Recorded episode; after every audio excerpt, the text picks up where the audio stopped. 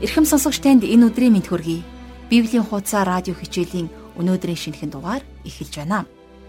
Бид өнгөрсөн хичээлээс эхлэн Бурхны хаанчлалын гайхалтай адал явдлуудыг өгүүлэх үйлс номыг судалж эхэлсэн байгаа. Түүхийн жимээр аялуулдаг энэ номд төгсгөл гэж байдаггүй. Яагаад төгсгөлгүй гэж хэлж байгаа гэхээр өнөөдөр ч гэсэн та бидний үйлчлэлээр энэ ном үргэлжлэн бичигдсээр байгаа. Тиймээс Бурхны төлөө амьдарч байгаа сонсогч та ч гэсэн Үйлс номын нэгэн баатар нэг хэсэг юм шүү.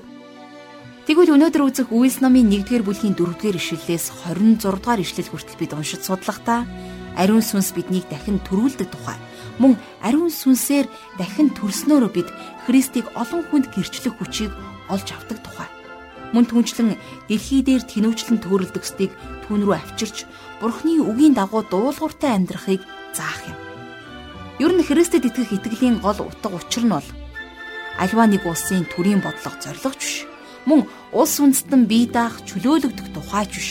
Харин түүнд итгэж түүний амлсан ариун сүнсний хүч чадлаар зөв мөн даруугаар амьдрахаас гадна мөнхийн авралыг авах тухай явдал.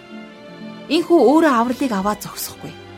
Энэхүү авралын гайхамшигт мэдээг бусдад тунхаглаж тараахад оршдог юм шүү.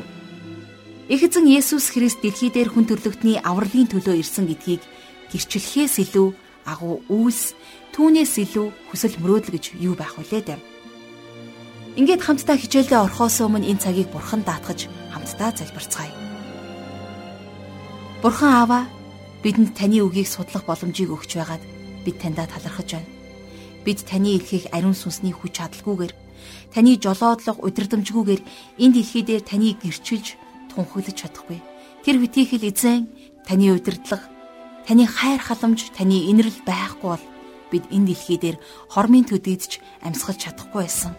Таны хайр нэгүслийн төлөө бид талархаж байна. Эзэн минь та нэгэн цагт цорын ганц хүүгээ бидний төлөө илгээж та загалмай өхлийг түүнд зөвшөөрч тэгээ бидэнд амар амгалан эдгэрлийг бидэнд баяр баясгал бидэнд ерөөл ивэлийг өгөхийн тулд Та Есүс Христийг дахин амьлуулсан.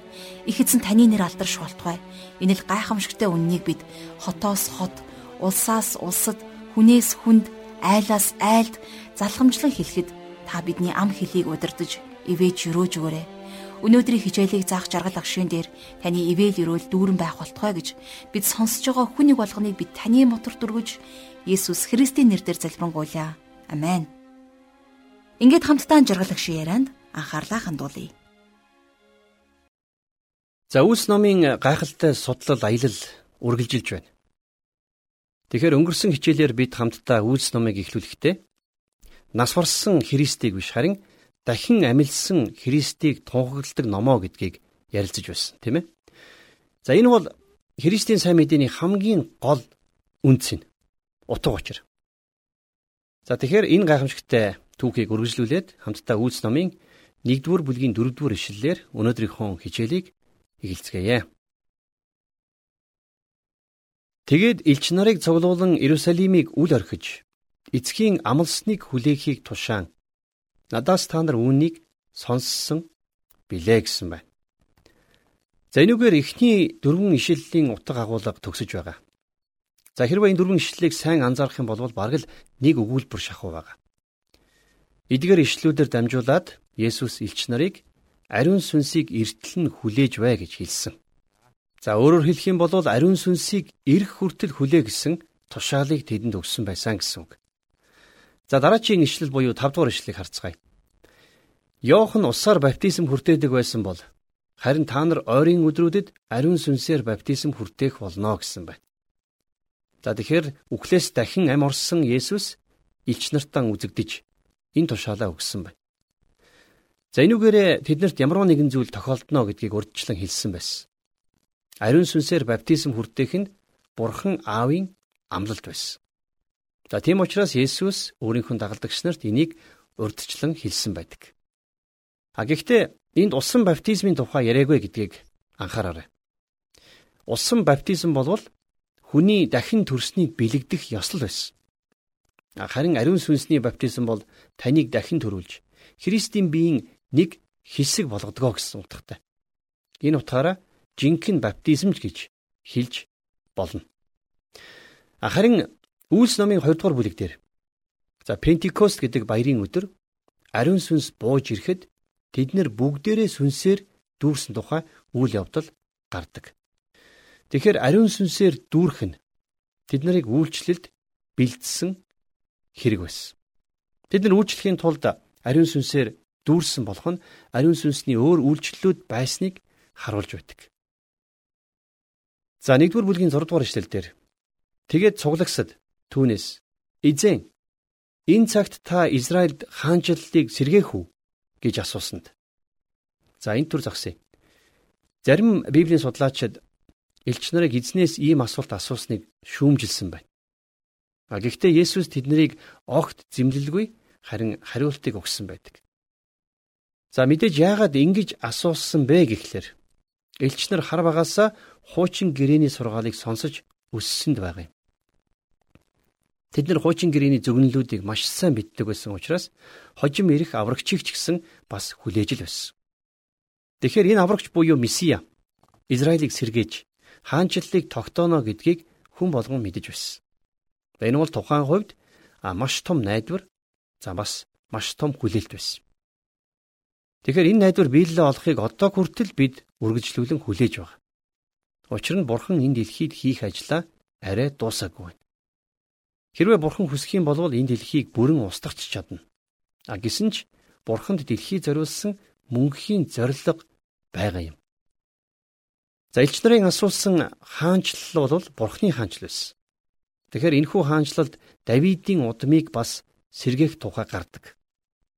За тийм учраас Үйлс номын 1-р бүлгийн 3-р ишлэлийг эргэж харах юм бол зовлон эдснийхээ дараа Тэр амьд гэдгээ 40 хоногийн турш элч нартаа маргашгүй олон нотлохоогоор харуулж Бурхны хаанчлалын тухай айлдж байв гэсэн ишлээс харах юм бол Есүс Бурхны хаанчлалын тухай дахин амилсныхаа дараа ярьсан байна.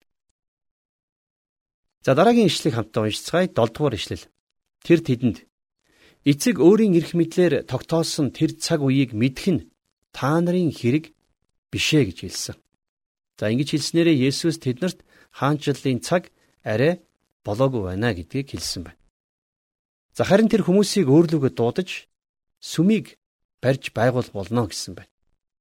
За энэ тухай Үйлс номын 15 дугаар бүлэг дээр илүү тодорхой гарах болно. Тэгэхээр 15 дугаар бүлэг дээр элч нар Иерусалимд анхны хурал зөвлөгөөнөө хийж Яаков нэг зүйлийг тэдэнд сануулдаг тухай Үйлс номын 15 дугаар бүлгийн 14-өөс 18 дугаар эшлэлдэр ингэж бичсэн байна. Бурхан өөрийнхөө нэрийн төлөөх ард түмнийг харийнхнаас авахаар анх хэрхэн тэднийг эргэж тойрсон тухай Симон хэллээ. Үүнтэй иш үзүүлэгчдийн үгсч нийцдэг. Энэ тухай ингэж бичжээ. Үүний дараа би эргэж ирээд Давидын нурсан асрыг дахин босгоно. Балгаснуудыг нь би дахин босгож сэргэнэ. Эдгэрийг үлдэгч нь тунхаглаж байна. Ингэснээр бүх үндэснүүд эзнийг ирж хайна гэж өн эртнээс мэдэгддэг эзэн эдгэрийг альдж байна гэж. Тийм ээ энд бичснийг харах юм бол бурхан энэ ажлыг өнөөдөр ч гэсэн та бидний дунд хийж байгаа. Тэр харь үндэсний дундаас өөрийн хүмүүсийг сонгож авах болно. Энэ нь бурхан олон үндэсний дундаас Христэд итгэх хүмүүсийг дуудаж за тэгээд тэднэрт ариун сүнсээр баптизм хүртэн Христийн бий болох сүмд нэгтгэж байгаа хэрэг юм. Тэгэхээр элч нар түүнээс хаанчлалыг одоо сэргээх үү гэж асуухад энэ асуудлыг одоо ярих нь тохиромжтой цаг биш юм а гэж Есүс хариулсан гэсэн үг. Өнөөдөр ч гэсэн тэр цаг хугацааг бид нэр ярилцах хэрэггүй. Олон хүн надаас Есүс удахгүй ирэх болов уу гэж асуудаг. За миний хувийн бодол бол тэр үнэхээр ирэх нь ойртож байгаа юм шиг санагдаж байна. А гэхдээ би яг үнэндээ мэдэхгүй. Учир нь Есүс эзэн өөрөө энэ цагийг хинч мэдэхгүй гэж хэлсэн маш тодорхой хэлсэн. Тэгэхээр энэ бол та бидний санаа зовох зүйл биш юм аа. За би мэдээж иш үзүүлгүүдэд итгэдэг. А гэхдээ бид нэр дан ганц иш үзүүлгээр өдөрдох ёсгүй. За тэгвэл бид нар яг яах ёстой вэ? За энэ асуултанд эзэн тэдэнд хариулт өгөхдөө тэд нарыг огт зэмлээгүй байгааг та анзаараарай. Харин түүний бодолд өөр зүйл байсныг тэр хэлдэг. За тэгвэл та биднэрт хийх ёстой ажил гэж байгаа. Бид хэдийгээр эзнийг хизээ эрхийг мэдэхгүй ч гэсэн тэр бидэнд эртэл нь хийх даалгаврыг өгсөн. За энэ даалгаврын тухай хамтдаа 1-р бүлгийн 8 дугаар ишлэлээс харцгаая. Харин ариун сүнс та нар дээр ирэхэд та нар хүчийг олж тэгээд Иерусалим бүх Юудей Самар тэр байтугай дэлхийн хязгаар хүртэл миний гэрч болно гэв. За яг энэ даалгаврыг Есүс их эзэн хүн болгонд өгсөн гэдгийг та бити мартаар. Тэгэхээр энэ тушаал зөвхөн сүмд өгөгдсөн тушаал юм биш. Харин итгэгч хүн бүрт Бурхныг хүлээн авах хувь хүн бүрт өгөгдсөн тушаал. Энэ тушаалыг ариун сүнсийг бууж ирэхээс нь ч өмнө өгсөн байсан. Тэгэхээр Бурхны үгийг дамжуулах нь та бидний журамт үүрэг мөн гэсэн үг. Бид нэр сайн мэдээний ажлыг зөвхөн сүмдээ даатахад орхиж болохгүй. Харин хүн бүр дор бүрнээ Бурхныг гэрчилж байгаа юу гэдэг нь чухал байна. Өнөөдөр бид нэр дэлхийн төгсгөлийн тухай иш үзүүлэг болон олон зүйлсийн тухай ярих үнэхээр дуртай болсон байна. Тэгсэн мөртлөө Бурхны үгийг тараах энэ чухал ажлыг бараг л хийхэ болоод байна уу да. А гэтэл энэ ажлыг хийх нь Бурхны тушаал. Хэрвээ их эзэн өнөөдөр бидний дунд гинэд гараад ирэх юм бол тэрээр төгсгөлийн тухай биш харин Есүсийн сайн мэдээг хэрхэн тараах тухай ярих байсан байхаа гэж би хувьдаа бодож байна. Харин энэ сайн мэдээг тараахын тулд бидэнд мэдээж хүч чадал хэрэгтэй. Тэр өөрөө бидэнд та нар хүчийг олох болно гэж хэлсэн. За тийм учраас бидэнд эзний удирдамж хэрэгтэй байгаа юм. Учир нь бид нар Бурхны үгийг дамжуулах үүрэгтэй ч гэсэн өөрсдөө бол хүчин мөхс. Харин ариун сүнсэнд бол хүч бий. Ариун сүнс хувь хүнээр сүм цуглаанаар дамжуулан ажиллаа хийдэг. А гэтэл ариун сүнс нь бид нар өөрсдөө ажиллах боломжийг өгч байна уу үгүй юу гэдг нь өнөөдөр маш том эргэлзээтэй асуудал болсон. За цааш нь намайг гэрчлэх болно гэж хэлсэн байгаа биз. Тэгэхээр энэ үг болвол бид Христийг гэрчлэх ёстой гэдгийг харуулсан байна. Цаашид ч гэсэн гэрчилж амьдрах тухай ярьж байна. Яагад гэвэл тэр өөрөө сайн мэдээний гол төв. Тэр өөрөө сайн мэдээ. Тэгэхээр энд Иерусалимд гэж бичсэн ч гэсэн энэ үг бидний хувьд бидний амьдран суугаа хот за бидний орон нутгийг хэлж байгаа юм. Харин бүх Юудэ гэж биднийг хүрээлэн байгаа бүх хүмүүсийг хэлж байгаа бол Самар гэдгээрээ бидний сайн мэдхгүй тэр хүмүүс бидний зэрэгэлдээ орших улс үндэстэн ард түмнүүдийг хэлж байна. За энэ хүмүүс бидний тойрон хүрээлэд байдгүй ч гэсэн бид нар тэднэрт хүрч сайн мэдээг Христийн авралыг тунгаглах ёстой. За эцэст нь Есүс түүнийг дэлхийн хязгаар хүртэл гэрчил гэж хэлсэн байна. Энэ бол яахын аргагүй их эзний маань зүрх сэтгэлийн чин хүсэл гэдгийг бид нар хизээч мартаж болохгүй. Хэрвээ бид нар Есүст хайртай бол түүний үгийг дагнаа гэж хэлсэн. Бид нар энэ үүрэг даалгаврыг бусдад найдан биелүүлэлгүй орхих биш. Харин өөртөө бүр хувьтай хүлээж авч хэрэгжүүлэх ёстой. За цааш нь 9-р ишлэгийг хамтдаа харъя. Тэр инхүү айлдаа тэднийг харсаар байтал дээш өргөгдөж үүл түүнийг тэдний хараанаас авч одвоо гэсэн байна. Есүс эзэн Тэнгэр рүү инхүү одсон нь түүний үйлчлэлд маш чухал том гайхамшиг байсан. Хүн сансарт нисэж сансрын шинжлэх ухаан хөгжсөн өнөө үед энэ үнэхээр гайхамшиг хിവэрэ байгаа шүү. Гэхдээ сансарт нисэх нь үнэндээ тийм шинэлэг зүйл биш. Яагад гэвэл эзэн Есүс ямар нэгэн сансрын хувцс өмсөлгүй тусгай пуужинд суулгүй сансарт нисэн удсныг биднэрт Библи хэлсэн байна. За Библиэлд түүнийг үүлэн дунд орсон гэж бичсэн байсан. За бидний төсөөлснөр болвол Тэнгэрт байдаг энгийн л нэг үйл гэж та бодож байна. Тэр үнэхээр бороо чигний үйл байсан уу? Үгүй ээ. Үнэн дээр Библиэлд бичигдсэн энэ үйл бол Бурхны алдрын үйл байсан. За үнийг Шикайна гэж нэрлэдэг. Харин Есүс Бурхны алдрын үйл рүү явхаас өмнө тэрүүн тахилчийн залбирлаар залбирсныг хамтдаа Иохны 17 дугаар бүлгийн 5 дугаар ишлэлээс эргэн сөхөж харцгаая. Тэрээр ингэж залбирсан. Аава, ертөнцийг бүтээхээс өмнө тантай хамт надад байсан сүр жавхлангаар та намайг өөрийнхөө хамт алдаршуулаач гэж. Есүс энэ дэлхийд ирэхдээ үлгийн хуучин давуунд ороогдож ирсэн бол энэ дэлхийгээс явхдаа яруу алдрын үүлэн дунд явсан. За ингэж тэрээр бурхан аавынхаа баруун гарт заларсан байна. За энэ Есүсийн дээшээ өргөгдсөн үзэгдлийг элчнэр хараад зогсож байх үед хоёр тэнгэр элч тэднэрт үзэгддэг. За тэр хоёр элч болвол хүчрхэг ирчүүдийн дүрээр харагдахдаа тэдэнд нэгэн маш чухал үгийг дамжуулсан. Энэ тухай хамтдаа 10-аас 11-р ишлэлээс харцгаая. Түүний одохыг харж тэнгэр өөд гөлрөн байтал. Гэнэт тэдний хажууд цагаан өмсгөлтэй хоёр хүн зогсоод хэлсэн нь. Галилийн ирчүүдээ та нар тэнгэр ширтэн юунд зогсно вэ? Та нараас өргөгдөн тэнгэр даваачигдсан энэ Есүс тэнгэрүүд явсныг нь та нар харсан луга адил мөн тийм буцаж ирнэ гэв. За ингэж тэнгэрд одсон Есүс нь алдаршуулагдсан Христ байсан юм. Тэрээр тэнгэрт яаж одсон? Яг тэр замаараа буцаж ирнэ. Тэгэхээр энэ тухай хуучин гэрээ номны Зихрай номын 14-р бүлгийн 4-р эшлэлдэр нэгэн ийм иш үзүүлэг байдаг. Тэр өдөр түүний хөл Иерусалимийн урд дорн зүгт чидүүн уулын дээр гიშгэнэ.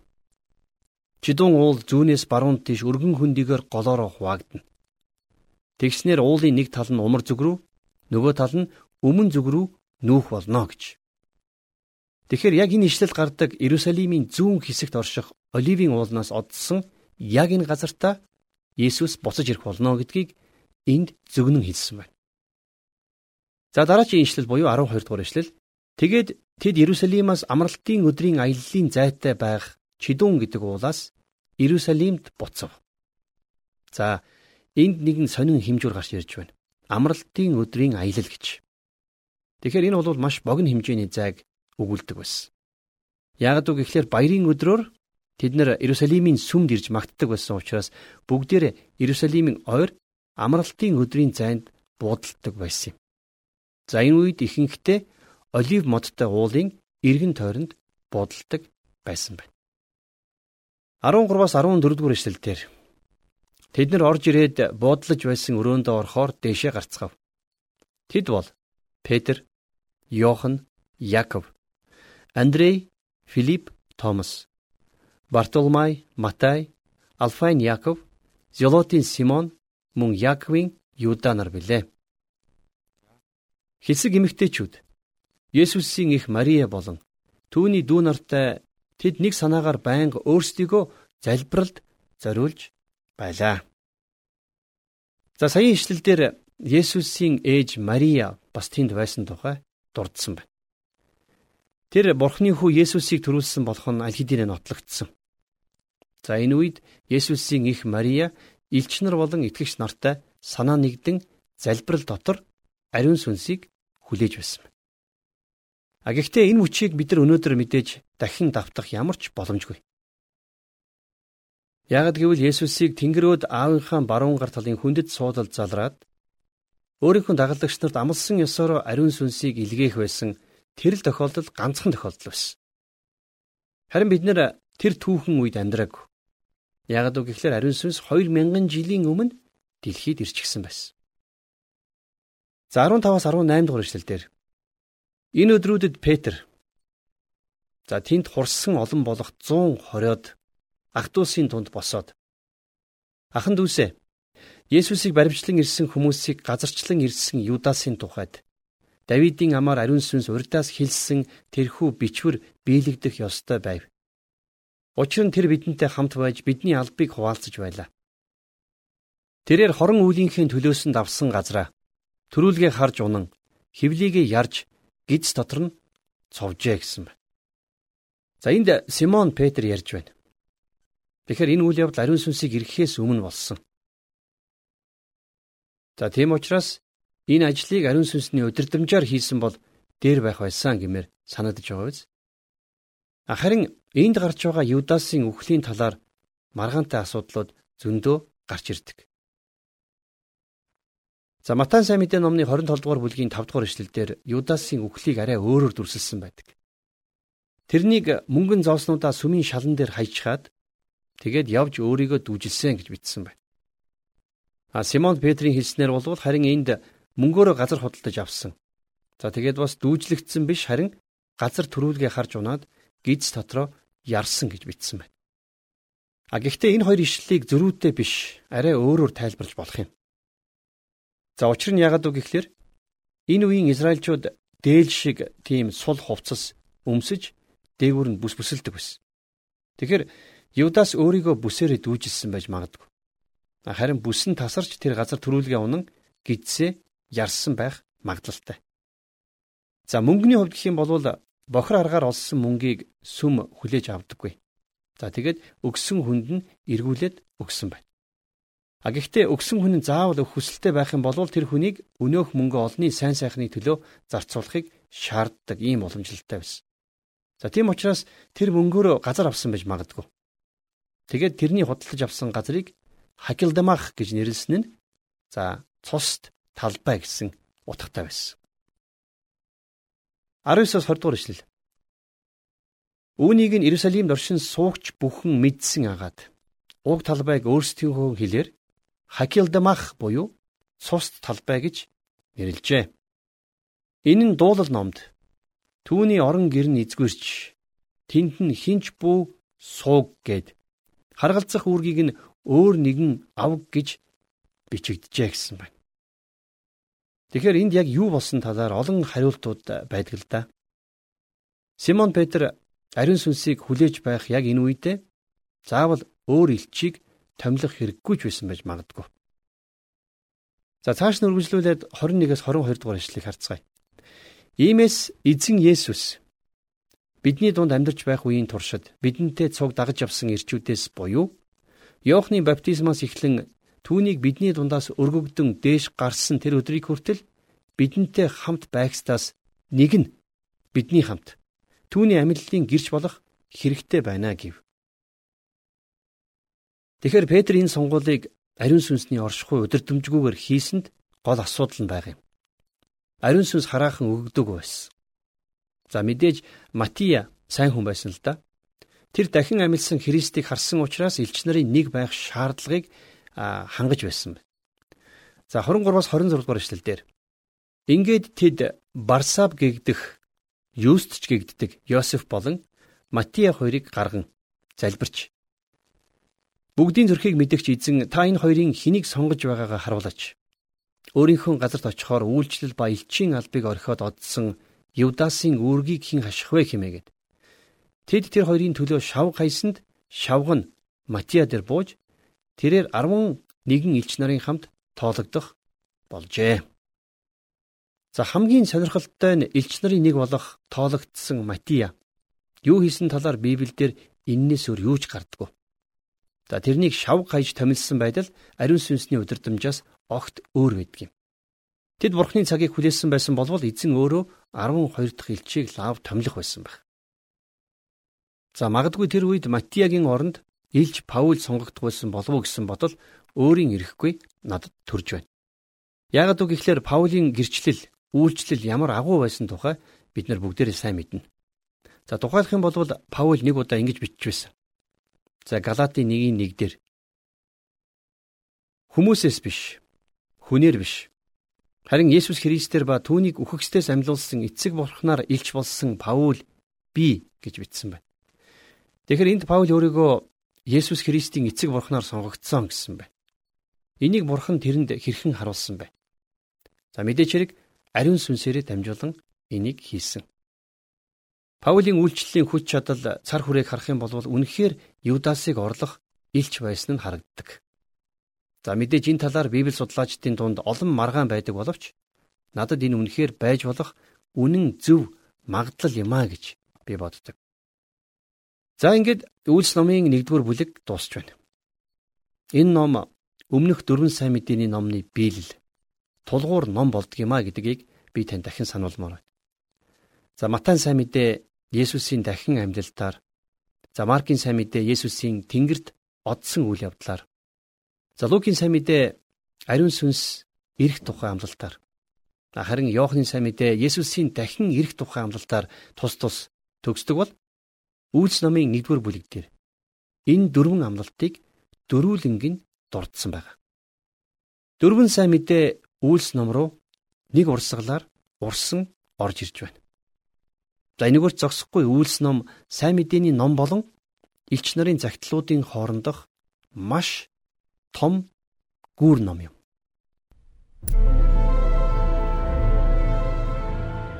Тэгэхээр Бурхны ариун сүнсний хүч чадал болон түүний үгийг хүргэсэн жаргал агштаа үнэхээр их баярлалаа.